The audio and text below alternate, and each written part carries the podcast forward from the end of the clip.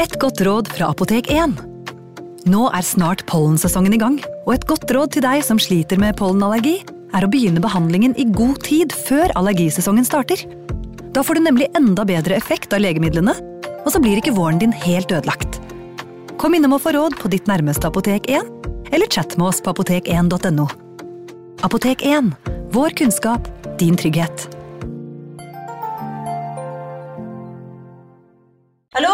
Jeg kommer fra Oslo politikammer. Ine Jansen er purk. Er du purk? The motherfucking bitch. Alt jeg vil, er å finne ut hva som skjedde med mannen min. Jon Carew. Er jeg sikta for noe? Iben Akeli. Det er du. Ole So, Lars Berrum og Big Daddy Karsten. Hvem sin side er du på, egentlig? Anette Hoff, Tone Danielsen, Kommer du fra Afrika? Jørnis Josef, Nesten kløfta. Trond Espen Seim, Det er synd å si det, men det var feil mann som døde. Purk. Premiere tirsdag på TV2 Play. Ungsamtalen fra DNB er økonomisk veiledning tilpasset deg som er ung. Bokk en ungsamtale på dnb.no. slash ung. Det er kjempebra hvis du skal inn på boligmarkedet, hvis det er drømmen din, liksom. Det er det du skulle sagt. Og så kunne du ropt litt mer, da, sånn som jeg gjorde. Bam! Advarsel. Historiene vi forteller i denne podkasten kan være fiktive og avvike fra den opprinnelige historien av dramaturgiske årsaker. Meninger og påstander i historiene reflekterer nødvendigvis ikke programledernes meninger eller virkeligheten.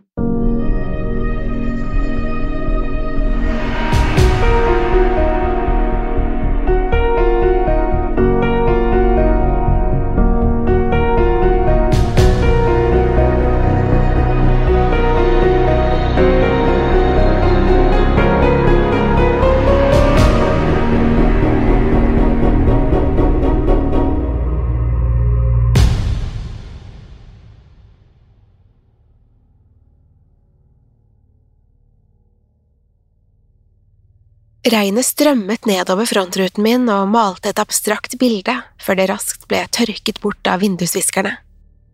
Det var sent om kvelden, og gatene, som vanligvis var så travle, lå nå øde i lyset fra gatelyktene. Som taxisjåfør var jeg vant til uforutsigbare kvelder. Passasjerene jeg plukket opp etter klokken elleve om kvelden, kunne være hvem som helst. Om jeg skulle gå i detalj på hvert merkelige møte med snodige karakterer, ville jeg ikke snakket om annet. Jeg er overbevist om at nattevakt i storbyen er mer enn mange ville taklet. Likevel var det noe med denne spesielle natten som fikk hvert eneste hårstrå på kroppen min til å reise seg. Gatene var uvanlig stille, selv til en hverdag å være. Fra tid til annen møtte jeg en bil i motsatt kjørefelt, men det kunne gå flere minutter mellom hver gang. Bilradioen spilte Nattønske på lavt volum mens jeg svingte gjennom de tomme gatene på leting etter noen som trengte skyss. Samtidig lyttet jeg til sambandet i tilfelle noen ringte etter en taxi i mitt område av byen. Rundt klokken ett fikk jeg øye på min første passasjer på et par timer. I veikanten sto en eldre mann og vinket meg til seg. Jeg kunne ikke se ansiktet hans, men den krumme ryggen og de benete fingrene var ikke til å ta feil av. Mannen måtte være godt oppe i åttiårene. Et øyeblikk lurte jeg på hva i all verden den gamle mannen gjorde ute så sent, men jeg var ikke typen til å stille spørsmål. Jeg bare kjørte passasjerene dit de ville, og la meg aldri opp i hvem de var eller hva de gjorde. Det var ikke min sak, så det var best å ikke blande seg. Jeg svingte inn ved siden av mannen og rullet ned vinduet på passasjersiden halvveis. På den måten fikk jeg ikke så mye regnvann inn i bilen. Den gamle mannen lente seg tungt mot bilen og ga meg en adresse. Han tok plass i baksetet, og jeg satte kursen mot et nabolag på sørsiden av byen. Mannen var gjennomvåt av regnet og knuget om en sliten lommebok. De skjelvende fingrene hans klamret seg fast til den som om den var det kjæreste han eide. Han mumlet noen uforståelige ord mens han stirret ut i mørket, med et tomt og fjernt uttrykk i øynene. Neste passasjer var en ung kvinne. Hun var innhyllet i en altfor stor regnfrakk og hutret i den kjølige høstluften. Da hun satte seg inn, trommet hun nervøst med fingrene på kanten av setet mens hun klikket med tungen. Kvinnen skulle til sentrum, og jeg slapp henne av utenfor en pub som jeg visste hadde stengt i ukedagene. Da kvinnen gikk ut av bilen og dro i dørhåndtaket til utestedet, rikket den seg ikke. Jeg stakk hodet ut av vinduet og spurte om jeg skulle kjøre henne et annet sted, men hun bare viftet meg bort. Jeg så etter henne mens hun gikk slukøret nedover fortauet og forsvant rundt et gatehjørne.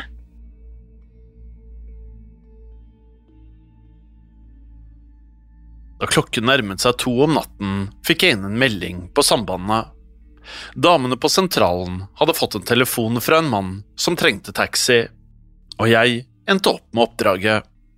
Jeg fikk beskjed om at passasjeren var en middelaldrende mann med grønn regnjakke, og det var nesten ingen andre ute i gatene. Jeg regnet derfor med at han ble lett å oppdage.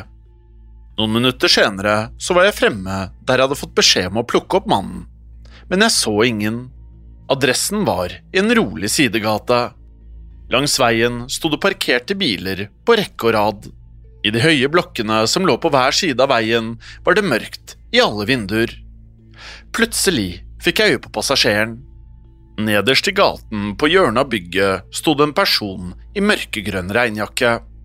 Hetten på regnjakken var trukket godt over hodet, så jeg kunne ikke se noe ansikt. Personen sto helt urørlig på fortauet.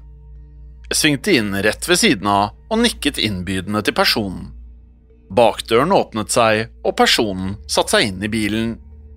Hetten ble nå trukket tilbake, og jeg kunne endelig se ansiktet som hadde skjult seg der. Det jeg nå så i speilet, var ikke en middelaldrende mann. I stedet stirret jeg rett inn i øynene til en ung kvinne. Hun hadde mørkt hår som var klippet til skuldrene med en helt rett pannelugg. Da hun kneppet opp regnjakken, så fikk jeg se at hun hadde en svart kjole på seg. Hun hadde grønne øyne som nå stirret intenst tilbake på meg. Jeg snudde meg mot den forvirrede kvinnen. Unnskyld, begynte jeg. Stemmen min føltes både tynn og hes. Jeg tror kanskje at det har skjedd en feil. Hun smilte høflig uten å ta blikket fra meg, som om ingenting hadde skjedd. Det har det ikke, svarte hun rolig før hun ba meg om å kjøre.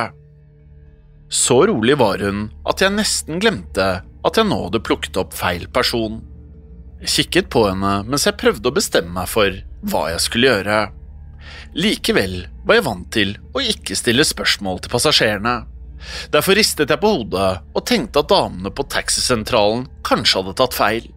Deretter satte jeg bilen i gir og kjørte av gårde.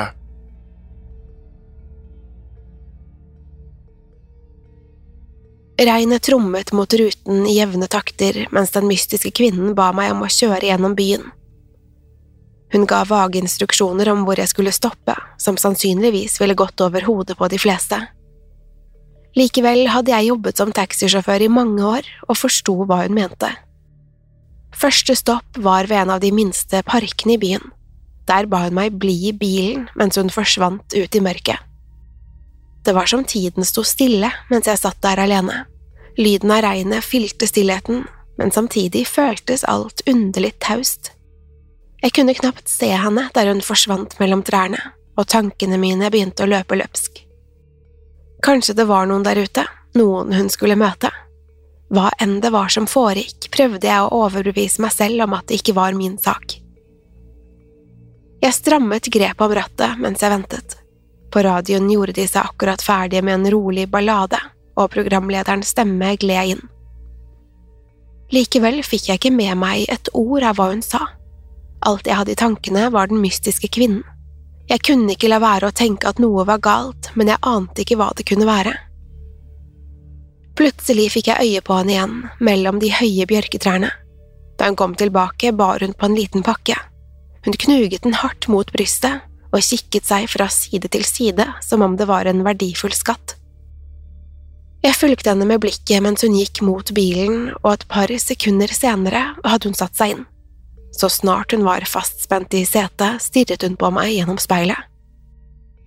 Hun sa ingenting om hva hun hadde gjort eller hva hun hadde med seg.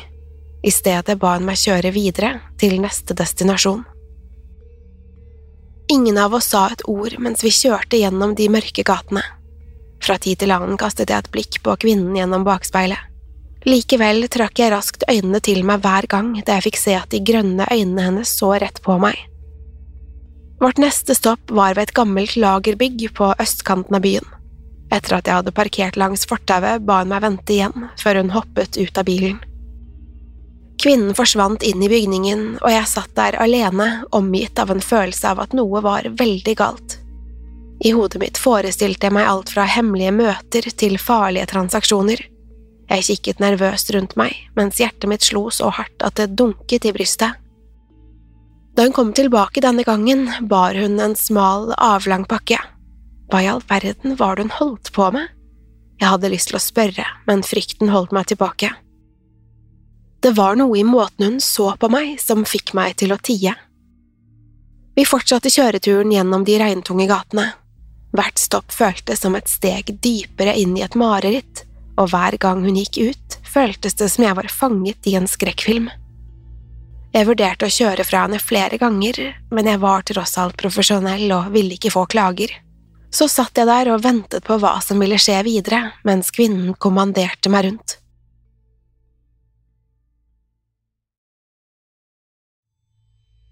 Det var blitt natt, men vi fortsatte å kjøre. Hvert eneste sted vi stoppet på, føltes stadig mer avsidesliggende. Jeg klarte ikke annet enn å fundere over hva kvinnen bar i pakkene sine, men jeg fryktet at jeg ikke ville like svaret, og valgte derfor å ikke la nysgjerrigheten ta overhånd. Vi stoppet nå for femte gang utenfor en gammel bygård, men denne gangen kom kvinnen tilbake helt tomhendt. Det var i alle fall det jeg trodde, men da hun satte seg i baksetet, så innså jeg at jeg hadde tatt feil. Hun hadde nemlig plukket opp noe. Det var en liten, rund gjenstand som var pakket inn i et grått papir. Den var på størrelse med en klinkekule, og kvinnen rullet den frem og tilbake i håndflaten. Da hun hadde festet sikkerhetsbeltet, så kikket hun på meg. Deretter så ba hun meg om å kjøre ut av byen.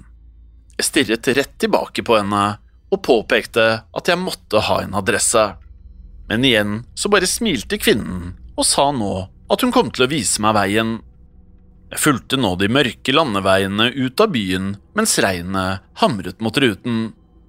Det drev også en tykk tåke innover veien, og jeg ble nødt til å senke farten og lå etter hvert langt under fartsgrensen. Vi hadde kjørt i nærmere en time før vi endelig stoppet foran et nedslitt og gammelt hus. Jeg kikket meg rundt og innså nå at det ikke var noe annet i nærheten, men det eneste jeg klarte å tenke på, var at jeg ønsket å komme meg hjem. Jeg parkerte så bilen og kikket tilbake på henne i bakspeilet og forsto med ett at kvelden ikke var over. Hun smilte nå til meg akkurat slik hun pleide, men denne gangen var det noe som var annerledes for øynene hennes var nå alt annet enn vennlige. De var blitt mørkere, og nå kunne jeg så vidt skimte at de var grønne. Bli med meg ut, sa hun plutselig. Stemmen hennes var lav, den føltes bestemt. Jeg stirret på henne gjennom bakspeilet, mens hjertet mitt slo hardere enn noen gang. Jeg hadde på ingen måte lyst til å bli med denne kvinnen, men det føltes som om hun hadde en merkelig påvirkningskraft på meg og før jeg innså det, så hadde jeg allerede tatt av meg setebeltet og var i ferd med å åpne bildøren. Kvinnen satt fremdeles i baksetet og fulgte med på meg mens jeg gikk rundt bilen. Da jeg kom frem til døren hennes, så åpnet jeg den, på akkurat samme måte som jeg hadde vært hennes privatsjåfør. Jeg holdt frem hånden og hjalp henne ut. Fingrene hennes føltes iskalde og var bleke som på et lik.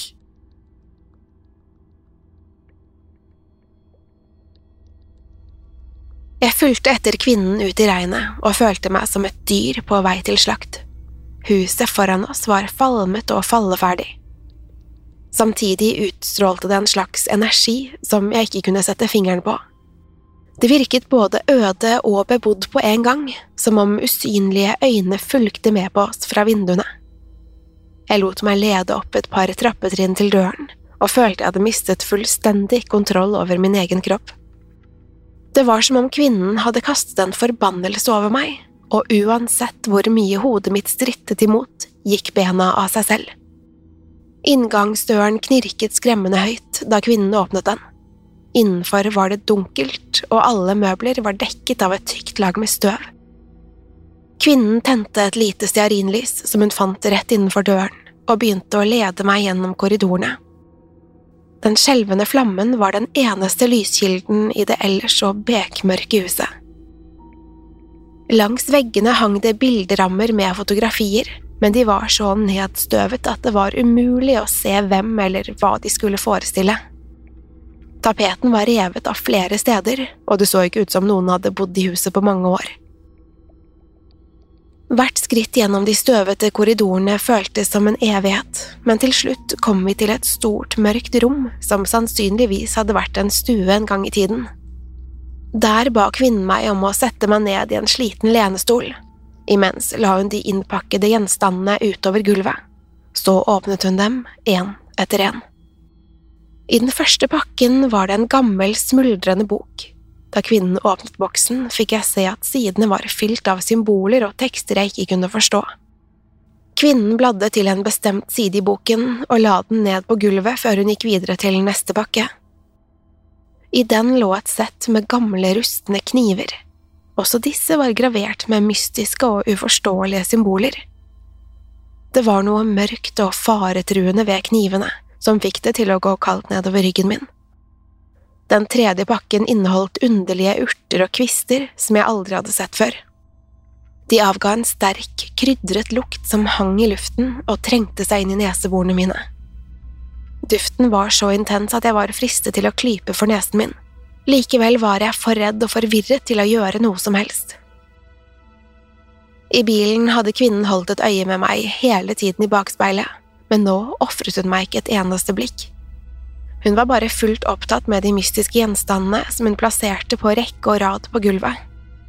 Nå var hun kommet til den fjerde pakken. I den var det små, vakkert utskjærte figurer i forskjellige materialer tre, metall og glass. De gnistret svakt i det skjøre lyset fra stearinlysene. Da hun åpnet den femte og siste pakken, hadde jeg for første gang en viss anelse om hva det var.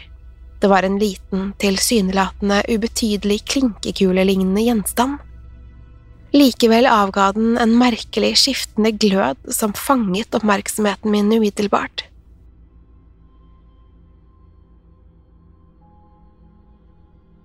Hun la nå alle gjenstandene i en sirkel på gulvet. Hun tente røkelse og stearinlys som hun plasserte rundt om i rommet. Deretter leste hun fra den gamle boken. Hun hvisket ord som var på et språk jeg ikke kunne forstå. Mens hun leste, stilte hun seg midt i sirkelen og strakk armene rett ut til siden. Kvinnen så nå rett mot meg. Jeg kunne ikke lenger se de grønne øynene hennes. Alt jeg kunne se, var to svarte sirkler. De glødet svakt, akkurat som klinkekulen som hun hadde pakket ut noen minutter tidligere. Jeg så på henne mens hun bøyde seg ned mot de rustne knivene på gulvet. Så plukket hun opp den lengste og skarpeste av dem. Deretter kom hun gående, sakte, rett mot meg. Alt jeg ønsket, var å løpe vekk så fort jeg kunne, men uansett hvor mye jeg prøvde, ville kroppen ikke rikke seg.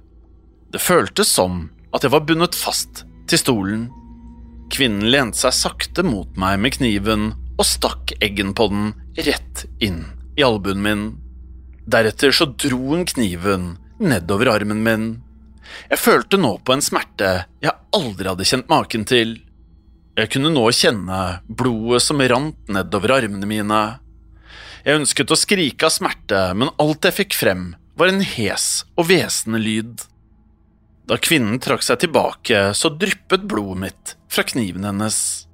Hun bar den forsiktig tilbake til sirkelen på gulvet. Deretter så plukket hun opp en av de små figurene som skulle forestille en liten soldat. Kvinnen fortsatte å lese opp ordene fra den gamle boken, samtidig som hun smurte inn figuren med blodet mitt. Plutselig stoppet hun og snudde seg mot meg så ga hun meg et blikk som sendte frysninger nedover ryggen min. Nå skal du få se sannheten, hvisket hun mens hun holdt den lille figuren opp rett foran meg. Før jeg rakk å reagere, hørte jeg lyder bak oss. Det var en dør som knirket og skritt som nærmet seg. Jeg snudde meg så fort jeg kunne. Det jeg nå så, gjorde meg livredd. For i halvmørket kunne jeg nå se konturene av skikkelser som beveget seg. Panikken grep tak i meg, men jeg var komplett ute av stand til å røre meg. Jeg var som paralysert, og det var ingenting jeg kunne gjøre for å flykte.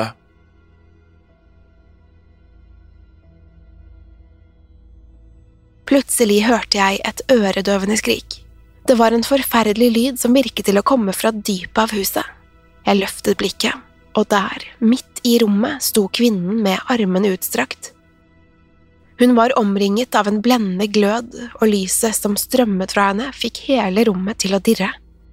Alt rundt meg så ut til å forsvinne, som om virkeligheten smeltet bort og ble til noe annet. Du ser sannheten nå, hveste kvinnen. Ordene hennes var nære og langt borte på samme tid. Selv om hun sto flere meter fra meg, hørtes det ut som hun hvisket ordene rett inn i øret mitt. Før jeg forsto hva som foregikk, ble alt svart. Jeg følte meg kvalm og uvel, og knep øynene sammen for å ikke kaste opp. Fra alle kanter kunne jeg høre fryktinngytende skrik og fottrinn som nærmet seg, men jeg kunne ikke se noe som helst. Så, helt plutselig ble det dødsen stille, og da jeg åpnet øynene mine igjen, var jeg tilbake i bilen min. Regnet trommet fremdeles mot vinduene, men det var ikke lenger natt. Himmelen var grå, men overraskende lys, som om det var midt på dagen. Jeg kikket på den digitale klokken på dashbordet og fikk se at den viste tre om ettermiddagen. Utenfor kunne jeg se det gamle, falleferdige huset. Likevel var det ikke noe tegn til liv noe sted. Kvinnen var borte, og jeg kunne ikke se noe som helst gjennom de mørke vinduene på huset. Hadde det virkelig skjedd? Jeg kunne føle hjertet mitt hamre i brystet, mens en kald svettedråpe rant nedover pannen min. Hadde det bare vært en drøm eller en hallusinasjon? Jeg så meg rundt i bilen, men alt virket normalt. Jeg forsøkte å samle tankene mine og huske hva jeg hadde opplevd. Likevel føltes alt sammen som et fjernt minne. Jeg slet med å huske hvordan kvinnen hadde sett ut, og hvordan jeg hadde havnet der. Skremt og forvirret vred jeg om nøkkelen til tenningen og satte bilen i gir, og med ett kjente jeg en stikkende smerte i armen. Jeg kikket ned og fikk se et gapende sår der kvinnen hadde skåret meg med den rustne kniven. Såret verket og pulserte, men blødningene hadde stoppet, som om skaden var flere dager gammel. Jeg kjørte hjem den dagen med langt flere spørsmål enn svar. Hvem den mystiske kvinnen var, aner jeg ikke, og jeg vet fremdeles ikke hva som var sannheten hun ville vise meg. Det eneste jeg vet, er at jeg var med på noe mørkt den natten, noe jeg aldri kommer til å glemme.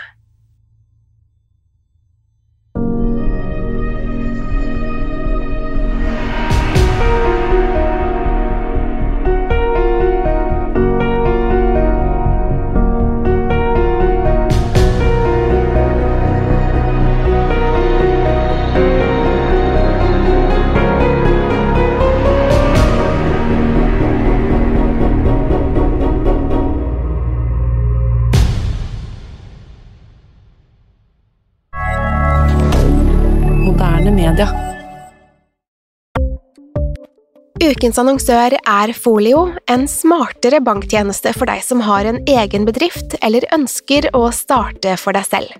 Folio er en superenkel nettbank for bedrifter. Som kunde i Folio får du en bedriftskonto med et bedriftskort og app. I denne appen er det smarte løsninger som forenkler regnskapet ditt, uansett om du har en liten bedrift eller et enkeltpersonsforetak. Folio er både intuitivt og brukervennlig, og er laget med et enkelt språk. I tillegg tilbyr de forutsigbare priser og ingen skjulte gebyrer. Skulle du likevel trenge det, så kan du snakke med deres raske og hyggelige kundeservice, og der får du prate med en faktisk person og ikke en chatbot.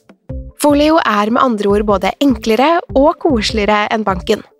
Over 10 000 bedrifter har allerede valgt Folio som sin banktjeneste, så besøk folio.no og se hvordan Folio kan forenkle din hverdag også. Har du et enkeltpersonforetak eller en liten bedrift?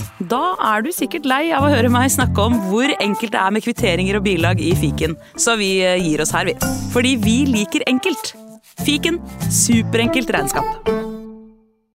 Kiwi er billigst i VGs matbørs og har vært billigst i fire av de fem siste VGs matbørser. Og nå presser vi prisene på frukt og grønnsaker. På 200 gram broccolini setter vi prisen til 24,90. På 400 gram Cevita blåbær setter vi prisen til 49,90. Og husk, alle Kiwi Pluss-kunder får i tillegg 15% trumfbonus på all fersk frukt og grønt. For det er vi som er prispresserne. Og vi i Kiwi gir oss aldri på pris.